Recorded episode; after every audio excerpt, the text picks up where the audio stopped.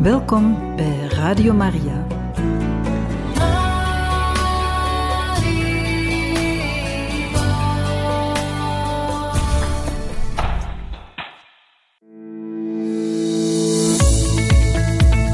Exodus en Magnificat 90. Een opgang naar Pasen in 90 dagen bij Radio Maria.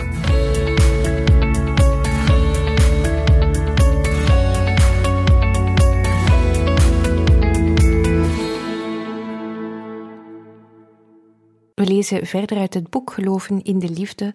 Zijn toegekomen aan het vierde hoofdstuk over de overgave. Per ipsum et cum ipso et in ipso. Door Jezus, met Jezus en in Jezus. Zonder mij kunt je niets. Met u, Jezus, kan ik alles. Hernieuw die gedachten die jou met Hem verbinden en die je doen duiken in de afgrond van de liefde die Zijn hart is. Het logische en noodzakelijke gevolg van het volkomen vertrouwen dat ik je tot nu toe heb voorgehouden, is de totale overgave.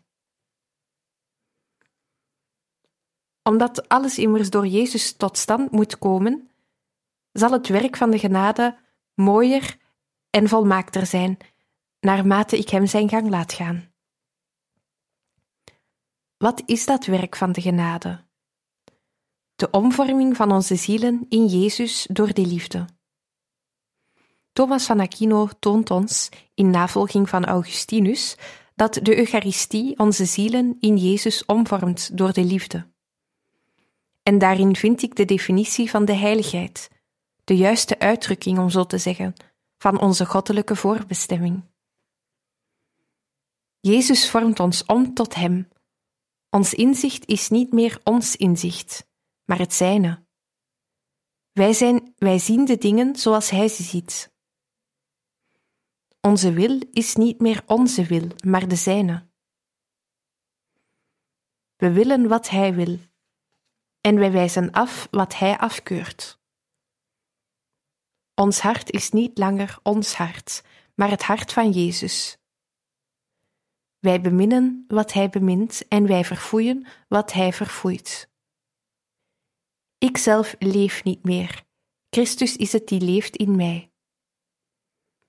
Mihi vivere Christus est, want voor mij is leven Christus. Nu zal je misschien zeggen: U beweert dat we onophoudelijk meer en meer veranderd worden in Hem, maar ik merk dat niet. Ik kan er niet bij. En ik ben zelfs op sommige dagen geneigd om het tegendeel te denken als ik zie hoe ellendig ik ben. En toch, is het niet zo dat je meer dan ooit de dingen ziet zoals Hij? Zeker wel. Wil je niet elke dag meer dat wat Hij wil? Ja, zeker. En ik ben er zeker van dat je vandaag meer dan ooit Hem wil liefhebben en maken dat Hij bemind wordt, met een wil die steeds oprechter is, een wil die steeds dieper gaat, een verlangen dat nog zekerder is, ook al voel je het misschien niet. Je gaat niet zeggen: Ik verlang Hem minder lief te hebben en Hem geliefd te maken dan gisteren. Dan zou je niet hier zijn. We worden op het verkeerde been gezet doordat we de voelbare vurigheid aanzien voor heiligheid. Maar dat is de heiligheid niet. De heiligheid is een houding van onze ziel, waarin door de genade leven is gebracht. En die heiligheid is het leven van de ziel door de werking van de ingestorte deugden en onder de invloed van de gaven van de Heilige Geest. Een houding die inhoudt meer dan ooit aan Jezus toe te behoren, Zijn wil te volbrengen, Hem te kennen en Hem bekend te maken, Hem te beminnen en Hem bemind te maken. Steeds meer en meer. Hij kijkt meer naar wat wij zijn dan naar wat wij doen, en wij zijn in Zijn ogen datgene wat wij oprecht voor Hem willen zijn. Nu begrijpen we waarom zoveel heilige communies, die communies die ons omvormen in Hem, niet alle bovennatuurlijke vruchten dragen die ze zouden kunnen dragen.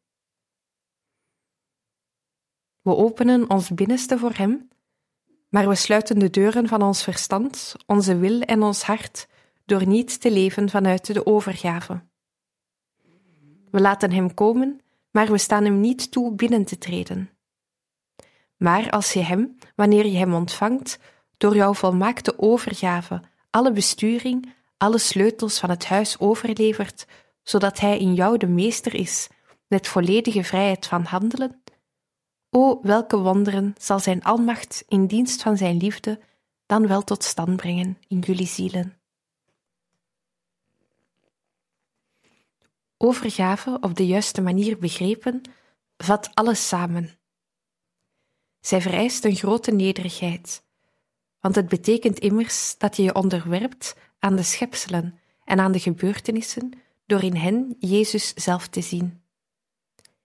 Zij eist een onmetelijk geloof, een nooit aflatend vertrouwen om de sluier van de secundaire oorzaken weg te nemen, om het scherm stuk te slaan van de schepselen die ons al te vaak beletten om achter hen Jezus te zien. Jezus die alles leidt, omdat er immers niets gebeurt, absoluut niets, zonder dat Hij het heeft gewild of toelaat. De overgave is niets anders dan de gehoorzaamheid die tot het uiterste doorgedreven wordt. Want zij bestaat erin dat wij ons aan allen onderwerpen, voor zover dat mogelijk en redelijk is, om te gehoorzamen aan God, die alles heeft voorbeschikt, alles heeft gewild. Uiteindelijk vinden onze grote verlangens hun volmaakte vervulling in de overgave. Ik heb je al gesproken over die prachtige bladzijde van Therese, waar ze zegt dat ze graag de ziel in licht zou willen brengen, zoals de profeten en de kerkleraren, de aarde doorkruisen en het evangelie verkondigen tot op de verste eilanden. Missionaris te zijn vanaf de schepping van de wereld, en dat te zijn tot aan de voleinding van de tijden. Alle vormen van martelaarschap te ondergaan. Zij vindt het middel om dat alles tot stand te brengen, terwijl ze in het hart van haar moeder, de kerk, de liefde is. En hoe is zij in het hart van de Heilige Kerk de liefde geweest? Door te leven in een volkomen overeenstemming met de wil van een God die slechts liefde is. Leven vanuit de overgave betekent een volmaakte harmonie ontdekken in God. Want dan is het God is het Jezus die alle regels, alle woorden en alle letters van ons leven schrijft. Het is treffend om te zien hoe de heiligheid van alle heiligen tot vervulling is gekomen in de volkomen overgave.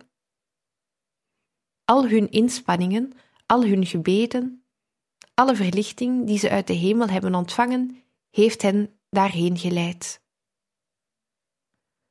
Als onze Heer Jezus aan heiligen enig verwijt maakt, zoals tot de heilige Gertrudis of de heilige Margaretha Maria bijvoorbeeld, dan beklaagt hij zich meestal over een gebrek aan overgave.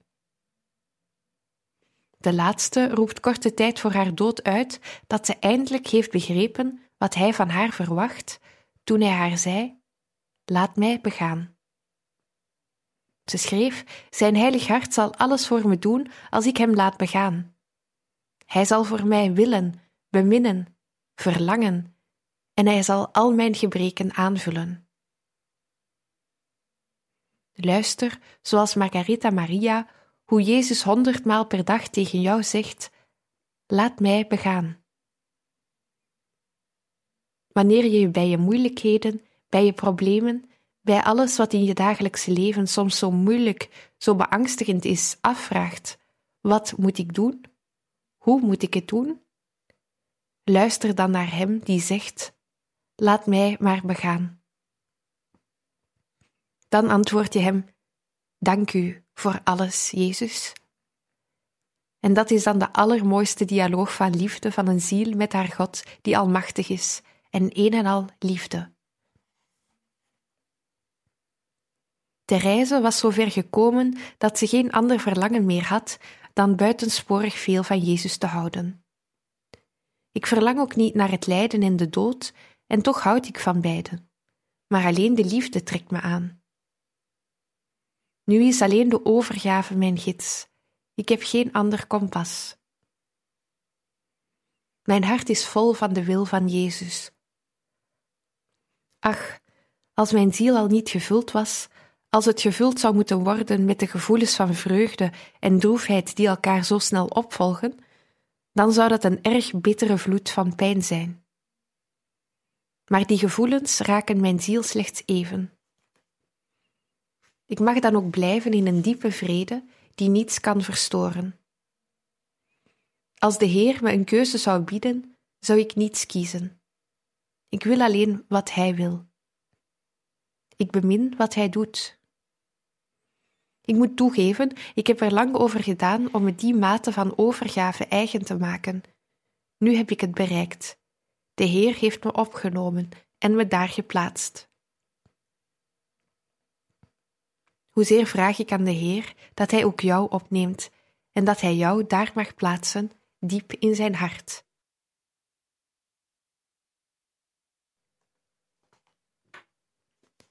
De overgave, zo eenvoudig, is het toppunt van de heiligheid, het toppunt van de liefde. Wanneer Teresa van Avila in de innerlijke burcht spreekt over het geestelijk huwelijk, het hoogtepunt van het mystieke leven, dan beschrijft ze dat als een vereniging van gelijkvormigheid in de liefde. Zodanig is de onuitsprekelijke drang waarmee de zielen verlangen dat de wil van God in hen vervuld wordt, dat ze met alles wat de goddelijke bruidegom behaagt om te bevelen, even tevreden zijn. Waarin bestaat de overgave in de praktijk? Volgens Franciscus van Sales is dat in de hoedanigheid verkeren niets te vragen en niets af te wijzen, omdat men in alles wat de schepselen en de gebeurtenissen je aanbieden, de wil van God ziet. Natuurlijk moeten we ons verstand gebruiken en oordelen. We moeten vooruitzien, onze plannen maken en handelen alsof alles van ons afhangt. Ik leg daar de nadruk op omdat de overgave geen quietisme is en ook geen fatalisme. Als je een probleem moet oplossen, dan moet je informatie inwinnen, de gegevens van het probleem goed kennen, ze bestuderen en de beste oplossing ervoor zoeken. Als je ziek bent, moet je de dokter laten komen en zijn voorschriften opvolgen. Er mag jou niets verweten kunnen worden. Jouw goede wil moet in ieder geval volkomen zijn. Is het niet juist onze grote zwakheid om vast te houden aan alles wat we moeten doen, met de grootste getrouwheid en de grootste edelmoedigheid, terwijl we niettemin nooit kunnen zeggen: Ik heb alles gedaan wat ik kon. Wie kan dat zeggen, afgezien van Maria? We zouden altijd nog iets meer kunnen doen. Maar uiteindelijk, als we volledig gewerkt hebben vanuit onze goede wil, ondanks onze ellende, zonder trouwens te vergeten dat Jezus er is die ons ondersteunt, als we zo handelen met Hem, dan hoeven we ons nooit ongerust te maken over het resultaat. Als Hij een schijnbare mislukking wil. Ik zeg schijnbare mislukking, want een mislukking die door God is gewild, is geen echte mislukking. Dan is alles goed.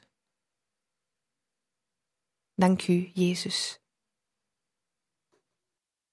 Als Hij mijn plannetjes omwerpt, dan kus ik Zijn aanbiddelijke hand.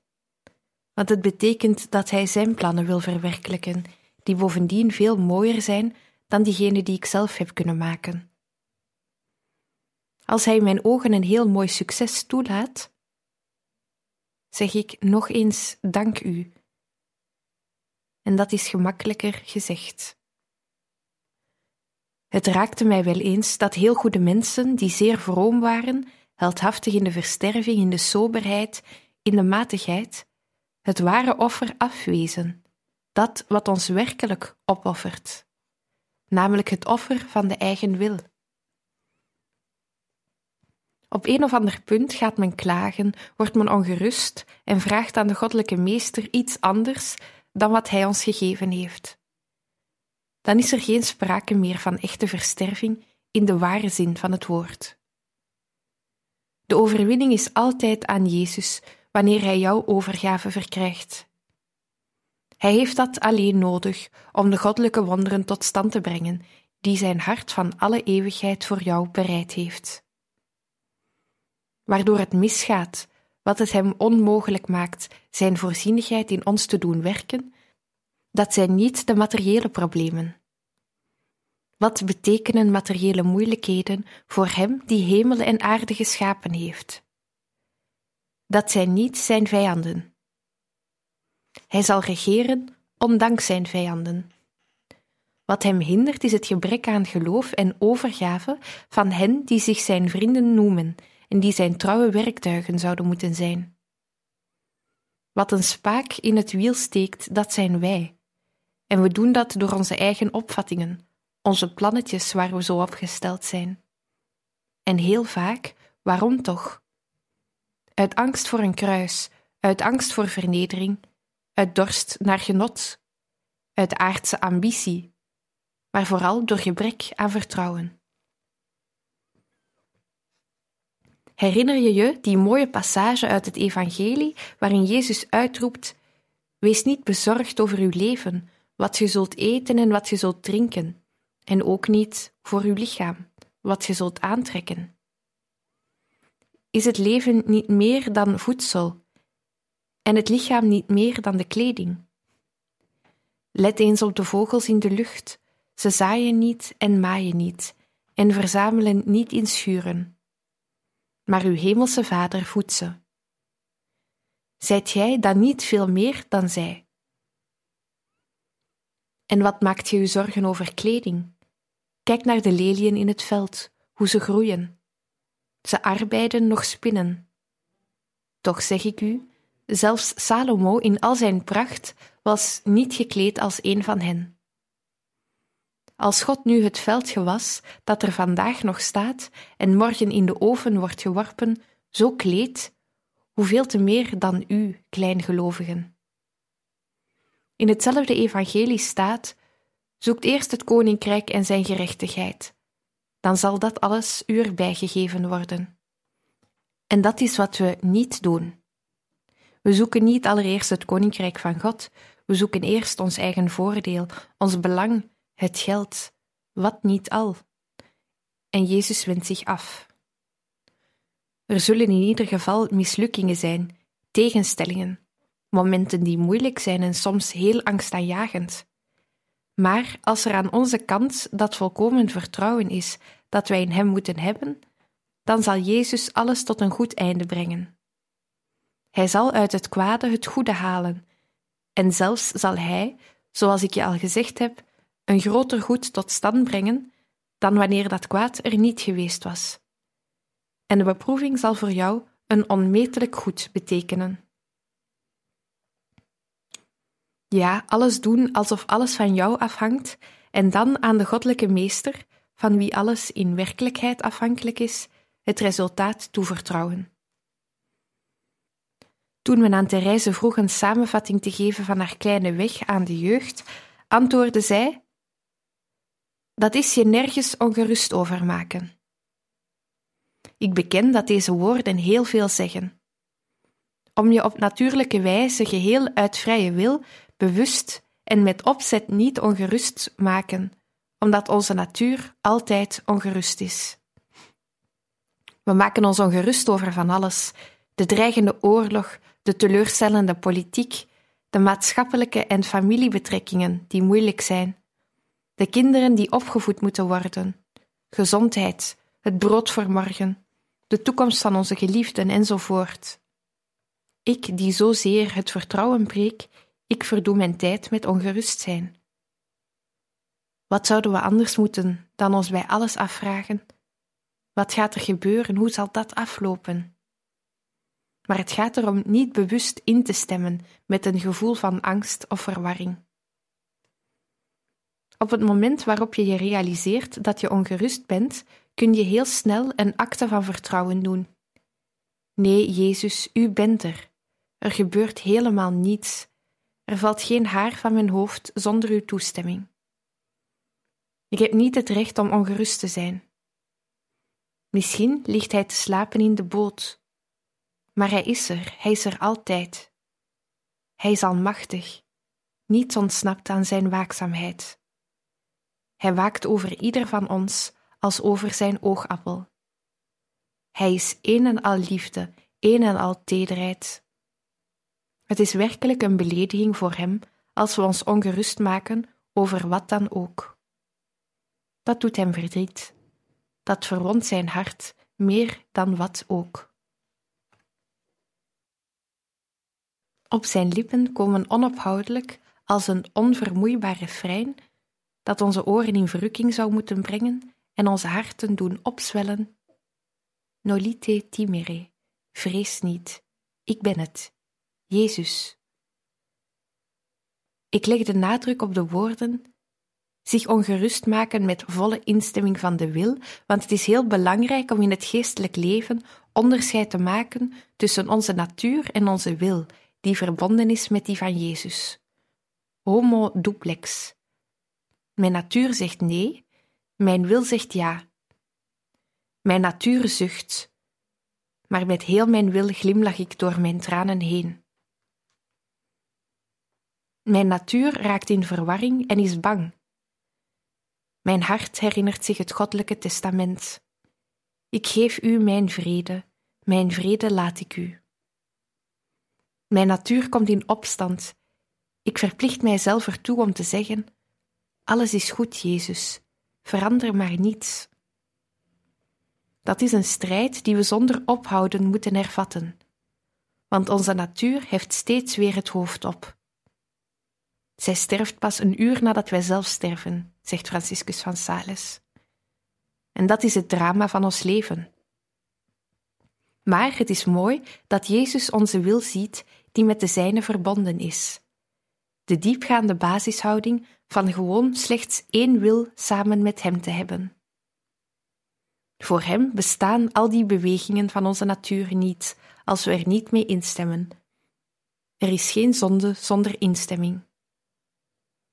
We onderzoeken onszelf over onze gedachten en onze handelingen. We onderzoeken onszelf niet genoeg over onze houding ten opzichte van God en datgene wat Hij van ons verwacht. Dat onderzoek zal bemoedigend zijn, want onze goede houding is oprecht en zal in ons de aanwezigheid van de Heilige Geest, die in onze harten is uitgestort, openbaren. Is een ziel in staat van genade niet zijn tempel en de woning van de heilige drie-eenheid? Op dit punt mogen we besluiten tot een onverbiddelijke strijd tegen elke gehechtheid aan wat verboden is en die we niet hebben afgewezen. Een gehechtheid die, zoals het woord zegt, een instemmende en blijvende keuze is, die we dus niet moeten verwarren met de mogelijkheid van een val uit zwakheid. We moeten niet denken dat de heiligheid bestaat in het zweven boven de bekoringen, de moeilijkheden en de obstakels. Nee, nee. De profundis clamavi a te, domine. Vanuit de diepte heb ik tot u geroepen, Heer. We leven onder een leider die alleen is gestorven om weer te verrijzen. En we bezitten die hoop die de zekerheid is van zijn overwinning, die ook mijn overwinning is zolang ik me maar niet van hem afscheid. In zekere zin kunnen we ons zelfs verheugen dat we een kwade natuur hebben, die ons nu juist in de gelegenheid stelt om niet in te stemmen en te herhalen. Nee, Jezus, uw wil heb ik lief, die wil ik en niets anders. U kies ik.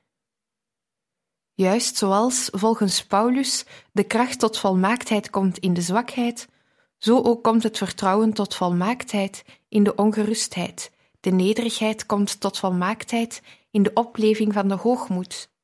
Het licht komt tot volmaaktheid in het duister. Et nox illuminatio mea. Zelfs de nacht zal mijn licht zijn. Hoe vaak heb ik niet deze bekentenis gehoord? Ik ben hoogmoedig, ik heb voortdurend gedachten van hoogmoed, van ijdelheid, van zoeken naar mezelf, waarin ik mezelf boven anderen plaats. Dan antwoord ik: Ben je blij met die gedachten? Stem je er volledig mee in? Nee, wanneer ik het merk, dan dring ik ze terug. Ik zie hun ijdelheid en ik schaam er zelfs voor. Wel, dan ben je niet hoogmoedig. Je hebt, net als ik en wij allemaal, een hoogmoedige natuur. Profiteer daarvan om daden van nederigheid te stellen, die je zullen terugbrengen tot de waarheid. De ware hoogmoedige is hij die de hoogmoed heeft gekozen en er zijn leefregel van maakt, die toegeeft dat het zijn doel is om zich niet te onderwerpen, maar om te heersen. Wij zijn allen zondaars. Dat moeten we erkennen, terwijl we ons op de borst kloppen. Maar de zondaar die geen berouw toont, dat is degene die de zonde gekozen heeft. Men zegt dat de duivel de ernst van de zonde tijdens de bekoring minder doet lijken, maar hem vermeerdert na de val. Ik denk dat dat terecht is. Hij vermeerdert die niet alleen om de bekentenis in de biechtstoel moeilijker te maken, maar vooral om te ontmoedigen. Het is zijn plan om de zielen in de wanhoop te storten, zoals ook hij zelf wanhopig is. Zijn overwinning bestaat erin ons te laten twijfelen aan Gods barmhartigheid. Je mag geloven in de barmhartigheid en wel zo dat je denkt dat jij een vreugde voor Jezus bent. Op die gedachte, die ik al eerder uitgesproken heb, kom ik terug, omdat ze van wezenlijke betekenis is. Het leven van de christen is een leven van liefde. Kunnen we van elkaar houden zonder de gedachte dat we een vreugde voor de ander zijn? Stel jezelf de vraag: hoe ziet Jezus mij? Hij ziet me sinds mijn doopsel als zijn kind. Hij ziet me sinds mijn vormsel vervuld van de overvloed van de gaven van zijn geest. Getekend met het onuitwisbaar merkteken als soldaat van zijn koninkrijk.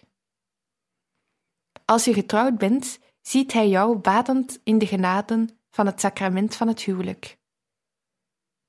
En als hij ons beziet als echtgenoot en echtgenote, dan denkt hij aan zijn verbintenis met de kerk. Hij ziet me als het schaap dat zich al zo vaak in zijn armen naar de schaapstal heeft laten terugvoeren, gereinigd door de absolutie. Hij ziet hoe mijn ziel in hem wordt omgevormd door de heilige mis en de communie. Mijn ziel waarin zijn vader en hij hun woning hebben ingericht, omdat ik zijn woord heb onderhouden en in zijn liefde ben gebleven. O, hoe werkelijk en actueel zijn de sacramentele genaden. Wat een redenen tot vreugde voor Hem liggen er in ons. Wat ziet Hij nog meer? Alles wat je voor Hem gedaan hebt, jouw gebeden, jouw goede streven, alle daden die in de loop van jouw leven zijn bepaald door je geloof, je hoop en je liefde. Jouw daden van edelmoedigheid, je daden van naastenliefde, vooral die welke je deels vergeten bent, maar die hij niet vergeten is, omdat ze in zijn hart gegrift staan. Met hoeveel vreugde en erkentelijkheid zal hij jou aan dat alles in detail herinneren op de dag van het oordeel, omwille van zijn heerlijkheid. Omdat hij immers de oorzaak van alle goeds is, maar ook omwille van die van jou, omdat jij geloofd hebt in zijn liefde. Komt gezegenden van mijn Vader. En als je hem daarinboven veel ellende aanbiedt met veel nederigheid, maar ook met veel vertrouwen, dan bezorg je hem zijn grote vreugde, zijn vreugde als redder. Iedere ziel in staat van genade is voor hem een hemel die alleen zij hem kan geven. Zie hier een goed voornemen om tijdens de retraite te maken. Jezus, ik beloof u dat ik me over niets bewust, vrijwillig, met opzet ongerust zal maken.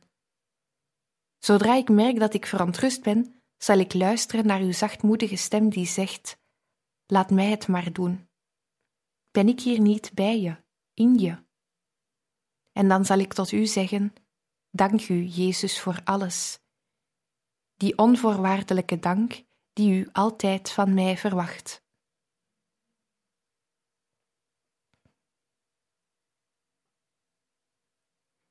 De overgave is een praktische, doorleefde toepassing van een gedachte die ons niet loslaat, de wil van God. Daarom zijn mensen in de wereld, mensen van het volk, die ene boer in zijn boerderij, die arbeidster in de fabriek, waarachtige heiligen, omdat ze begrepen hebben dat de wil van God alles is, en omdat zij de houding hebben dat ze die boven alles stellen. Zodra ik me in de wil van God bevind, is alles goed. Daar komt de bovennatuurlijke onverschilligheid van de heiligen vandaan. Vreugde of verdriet, troost of dorheid, licht of duisternis. Toejuichingen of kritiek, zoetheid of bitterheid, gezondheid of ziekte, het leven of de dood. Ecce ancilla domini. Zie de dienstmaagd des Heren. Fiat voluntas tua, u wil geschieden. Sit nomen Domine benedictum. Gezegend is de naam van de Heer. Dat was de heiligheid van de heilige maagd ten voeten uit. Bedenk dat iedere gebeurtenis in jouw leven jou de wil van Jezus brengt, die Jezus zelf is. Hem kun je omarmen in alles wat Hij jou aanbiedt. Dus zegen ik Hem, wat ook de tegenwerpingen van de natuur mogen zijn. De natuur zal tegensputteren, van binnen zal er oproer zijn, opstand van de zinnen, gezucht. Maar boven dat alles zal ik Hem zegenen, met mijn wil volkomen verenigd met die van Hem. Eén met Maria zal ik zeggen: Fiat, Magnificat, te midden van de storm, en zo zal ik steeds in het diepste van mijn ziel in een hemelse vrede verblijven. Die vrede zal misschien niet voelbaar zijn. Het zal die vrede zijn waarvan Paulus zegt dat zij elk gevoel te boven gaat. Je ziet dat deze leer er niet een is van zorgeloosheid, verre van dat. Bovendien zal de meester, die de prijs van het kruis en de doornen kent, die ook jou niet besparen. Hij zal heel wat vernederingen en teleurstellingen toelaten. Hij zal heel wat dwaze dromen verdrijven. Hij zal als goddelijk chirurg weten hoe hij het mes moet zetten in het absces. Blij dat jij hem laat begaan. Maar wees niet bang. Wees toch niet bang. Zijn hand is zo zacht en zo vaardig, aangestuurd door zijn hart, dat jou weergaloos bemint, en het ontwaken zal zo mooi zijn. Zich zo aan Jezus overleveren in overgaven, dat betekent dat we Hem toestaan Zijn volledige werk van liefde uit te voeren. Hij wil dat wij Hem, de gekruisigde en met doornen gekroonde koning, volgen tot op Calvarie, maar ook tot de verrijzenis tot in zijn hemel van heerlijkheid. Voor jullie, die de bevoorrechten van zijn hart zijn, bestaat het geloof niet alleen in het geloven in het mysterie van de heilige drie-eenheid of de werkelijke tegenwoordigheid in het tabernakel, in het nooit twijfelen aan een dogma van de heilige kerk. Nee, voor jou is dat geloof onvoldoende. Voor jou betekent het geloof dat je gelooft dat Jezus, zonder dat je Hem ziet, altijd bij je is, met je is, alles leidt, terwijl Hij jouw vrijheid respecteert, omwille van Zijn allergrootste heerlijkheid en jouw heerlijkheid in die van Hem. Geloven in het dogma van de liefde. Weet ik uit mijzelf wat het beste voor mij is? Mijn gezichtsvermogen reikt zo kort mijn horizon is zo beperkt. Ik laat de goddelijke koning begaan. Hij ziet beter en beter dan ik en hij hoeft me niet om mijn mening te vragen.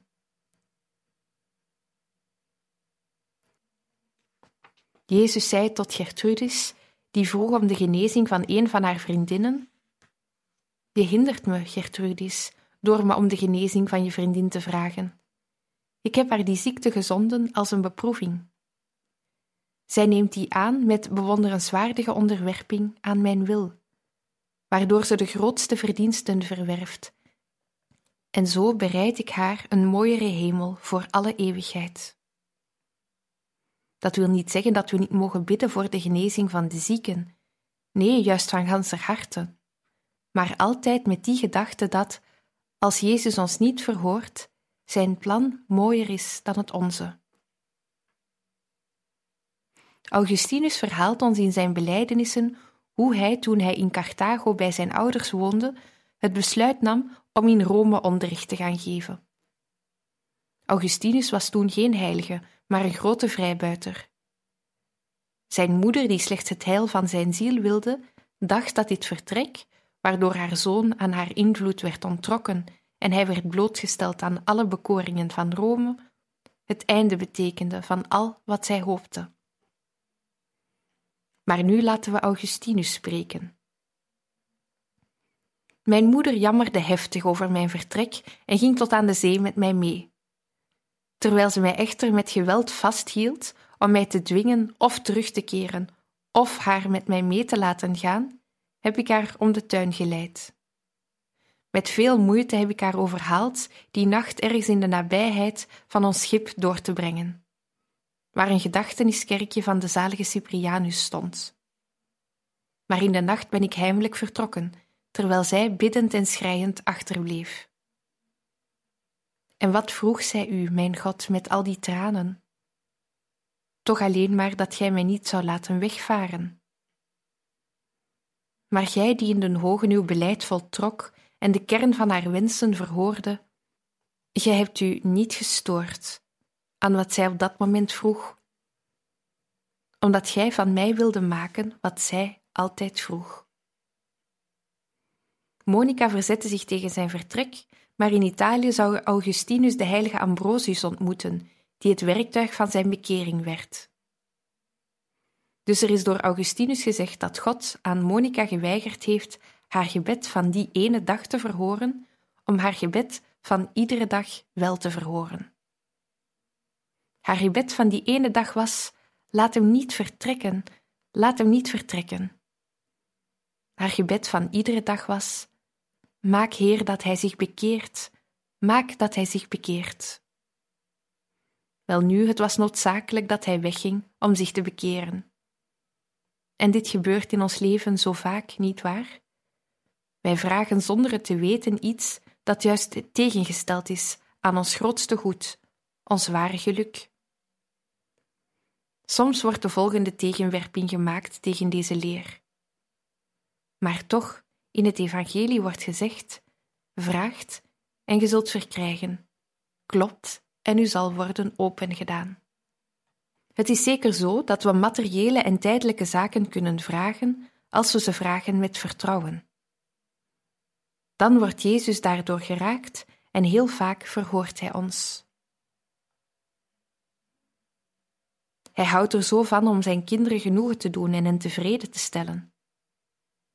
Maar het is mooier om om niets in de tijdelijke orde te bedelen, tenzij onder deze voorwaarden, als het past in uw liefdesplan voor ons, Jezus. In de geestelijke orde mogen we altijd vragen, ik zou zelfs durven zeggen aandringen, als we er zeker van zijn dat het de wil van God is. Bijvoorbeeld vrede voor de wereld, een bekering. Maar ook hier terwijl we aan Jezus zijn uur laten om het gebed te verwerkelijken. Voor de tijdelijke zaken is het mooier om Hem te laten begaan. Neem mijn belangen, zo zei hij tot Margaretha Maria, dan zal ik die van jou nemen. Toen de apostelen tot hem zeiden: Heer, leer ons bidden, leerde hij hun het Onze Vader. Uw naam worden geheiligd, uw rijk komen, uw wil geschieden op aarde zoals in de hemel. Geef ons heden ons dagelijks brood, ja, het brood dat noodzakelijk is voor het leven op deze aarde. Maar dat brood is vooral de Eucharistie en het brood waarover hij sprak toen hij zei: Mijn brood is het de wil van mijn Vader te doen.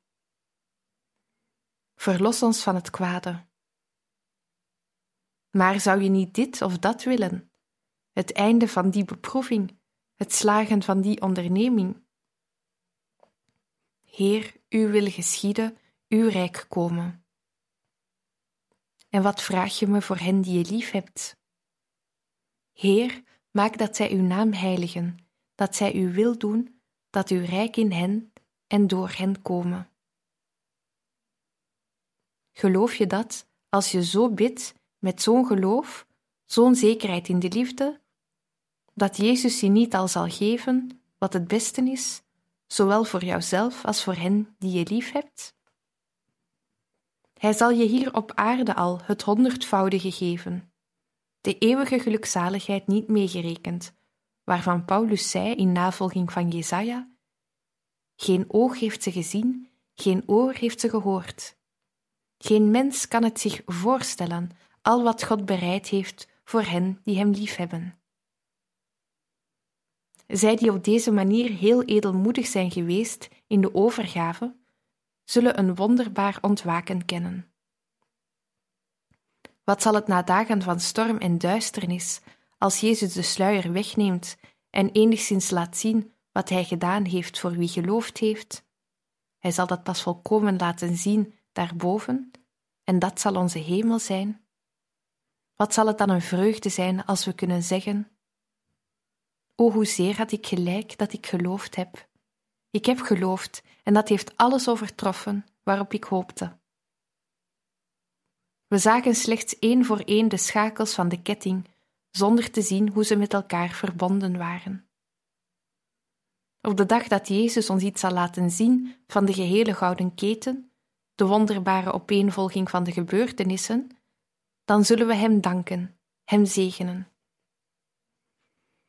Maar het is onvergelijkelijk veel mooier om Hem te danken, Hem te zegenen, voordat we het te zien krijgen. Als we de bedrieglijke schijn hebben vernietigd met slechts deze woorden: Ik zie niet, maar ik ben zeker van U. Ik geloof omdat ik weet wie Gij zijt. Ik weet aan wie ik me heb toevertrouwd. Schio cui credidi. Wie daarentegen laks is geweest, wie geklaagd heeft en beschuldigingen heeft geuit en getracht heeft de beproeving te ontvluchten, wie in opstand is gekomen of geroepen heeft: Heer, Heer, red mij, zoals Petrus toen hij in de golven wegzakte, die wordt bedolven onder verwarring. Hij hoort dat Jezus tot hem zegt: Kleingelovige, je twijfelde, je was bang alsof ik er niet was, alsof ik niet van je hield. En toch is er ook dan nog een geneesmiddel. Zo groot is de barmhartigheid van Jezus.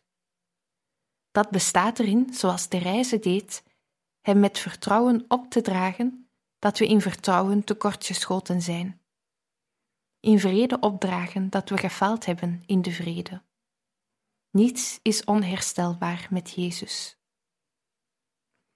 Dus de slotsom is dat we Hem laten begaan. Hij is de stuurman. De roeiers keren het doel de rug toe terwijl ze roeien. Laten we roeien met al onze krachten en laten we Jezus ons naar de haven leiden. De heilige Bernardus spreekt de kruistocht en de kruistocht mislukt. De heilige Alphonsus de Ligori, de heilige Jozef Calassans, de zalige Marie-Thérèse de Soubirant werden allen door de congregatie die, die ze gesticht hadden door hun eigen religieuzen buiten de deur gezet. Er zijn zoveel van zulke voorbeelden door de eeuwen heen. En de mislukking van Calvarië. Jezus was op aarde gekomen om zijn kerk te stichten.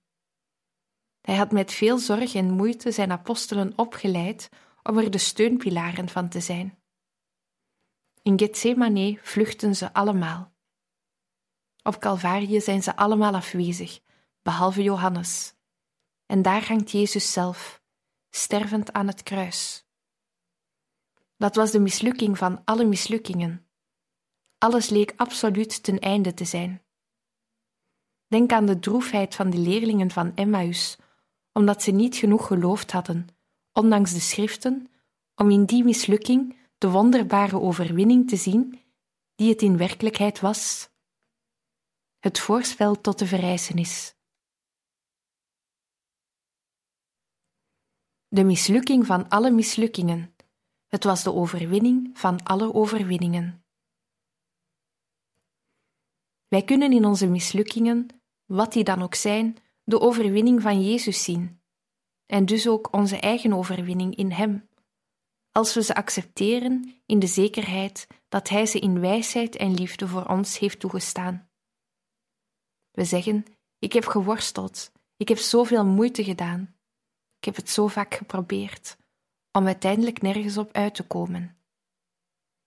Niets of soms zelfs op een grote nederlaag. Het magnificat dat je zingt in je teleurstelling, het dank u voor alles dat je zegt in je vernedering, is het mooiste van alle successen, het meest vruchtbaar van alle overwinningen. Als je dat doorleeft, dan zul je de heldhaftigheid van de goddelijke deugden bezitten, die de hoogste deugden zijn. Het is een heldhaftigheid waarvan Jezus de held zal zijn, want zonder Hem kunnen wij niets doen. Jezus, wees in mij de held van de heldhaftigheid van de deugden. Want ik ben slechts zwakheid, ellende en onmacht. Maar ik heb u mijn hart, mijn wil en mijn verstand gegeven. Doet u het dan? Daarom bent u op aarde gekomen, ja, om zelf in ons tot stand te brengen alles wat gij van ons vraagt, in navolging van het mooie gebed. Wij vragen u, Heer, Wees onze handelingen voor door ze ons in te geven. Breng ze tot stand door ons te helpen, opdat al onze gebeden en al onze handelingen door U begonnen, ook door U voltooid worden. Onze medewerking is in de eerste plaats ons geloof, onze hoop en onze liefde, onze goede wil in nederigheid, onze overgave in dankbaarheid. Pater Jean-Pierre de Caussade zegt in zijn mooie boek over de overgave, dat nu even actueel is als twee eeuwen geleden, dat God nog steeds tot de zielen spreekt zoals Hij tot hen sprak in de tijd dat er nog geen geestelijke leidsman, nog een methode tot volmaaktheid bestond. Trouw aan de wil van God maakte de hele spiritualiteit uit. Men zag dat elk moment een plicht met zich meebrengt met getrouwheid en liefde te vervullen. De hele aandacht werd daar geleidelijk op gericht. De geest die voortdurend wordt bewogen door de goddelijke inwerking, keert zich tot het nieuwe onderwerp dat door God en volgens God ieder moment werd aangeboden. Zo was het dat Maria er voldoende aan had tegen de engel te zeggen: Fiat mihi secundum verbum tuum. Mij geschiede naar uw woord de allereenvoudigste uitdrukking van de overgave van de ziel aan de wil van God, in welke vorm die zich ook aan haar voordeed.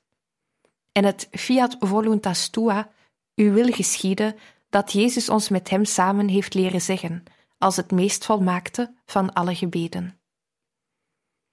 Omdat we weten dat de goddelijke werkzaamheid alles omvat, alles leidt, alles doet behalve de zonde, behoort het tot een plicht van het geloof om die werkzaamheid in alles te aanbidden, te beminnen en met open armen te ontvangen, met vreugde en vertrouwen, waarbij we in alles uitstijgen boven de uiterlijke schijn, die juist door de duisternis ervan het geloof doet triomferen.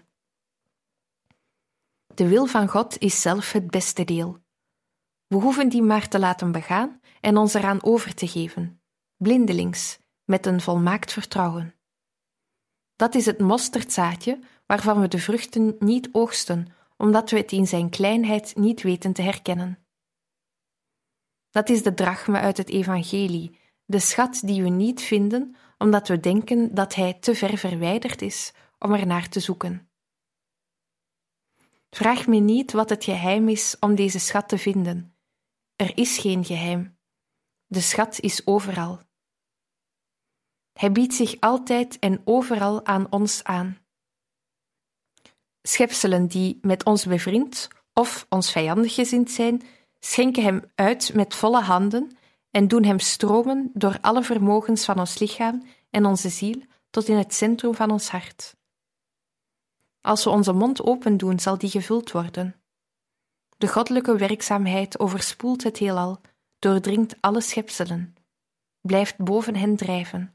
Overal, waar zij zijn, is zij ook. Zij gaat eraan vooraf, ze begeleidt ze en volgt ze. We hoeven ons slechts door haar golven te laten meeslepen. Ten slotte roept Pater de Caussade uit: Wat zou ik verlangen, o mijn God, om de missionaris van die heilige wil te zijn, aan iedereen te leren dat er niets zo gemakkelijk, zo algemeen, nog zo aanwezig is in ieders handen als de heiligheid. Doe vaak datgene wat ik het onderzoek van Dank u Jezus voor alles noem.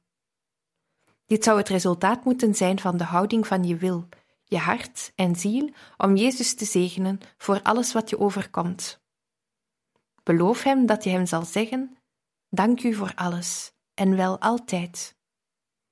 Nu zul je me zeggen: Die belofte zal ik doen, maar ik weet dat ik me er niet aan zal houden. Na een beproeving, een tegenslag, een vernedering, alles wat moeilijk is, zal ik er niet aan denken om dat te zeggen, of als ik er al aan denk, dan heb ik er misschien de moed niet toe, of omdat ik mijn natuur voel tegenstribbelen, zou het lijken of het een leugen zou zijn om hem te bedanken. Wel nu dan, beloof hem tegelijkertijd om dank u te zeggen, omdat je niet meteen dank u gezegd hebt. Dat is nog een vernedering, een gebrek aan moed, een ellende die we hem kunnen opdragen in nederigheid en vertrouwen. Dit korte, eenvoudige gebed omvat tegelijkertijd nederigheid, een groot vertrouwen in de barmhartige liefde, overgave en dankzegging. Wat is dit kleine gebed rijk? Hoezeer verheerlijkt het Jezus en hoezeer geeft het hem vreugde?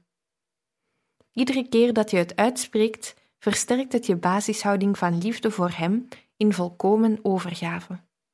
Het voert je binnen in Zijn hart, want het zingt van Zijn liefde voor jou. Het is niets anders dan het gratias agentes semper pro omnibus.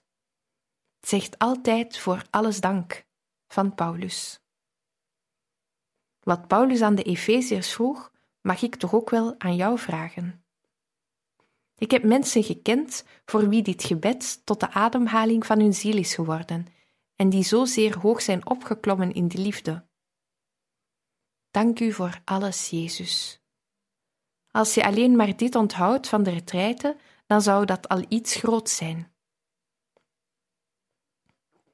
Geloof niet in degenen die denken en zeggen dat de overgave slechts is weggelegd voor de vergevorderde zielen vergevorderd of niet, ik ben geschapen en op de wereld gezet om God lief te hebben, die mij het eerst heeft liefgehad.